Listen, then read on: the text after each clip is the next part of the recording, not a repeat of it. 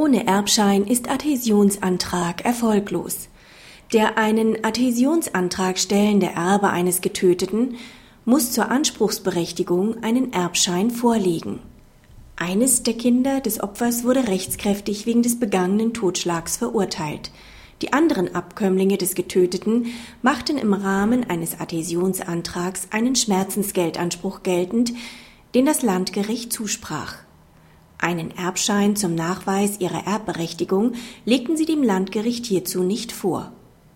Auf die Revision des Angeklagten hebt der BGH den Adhäsionsausspruch auf.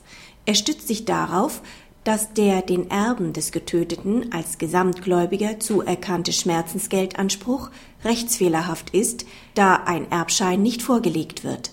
Außerdem ist der Angeklagte selbst auch bisher nicht für erbunwürdig erklärt worden und aus der Erbengemeinschaft ausgeschieden. Praxishinweis.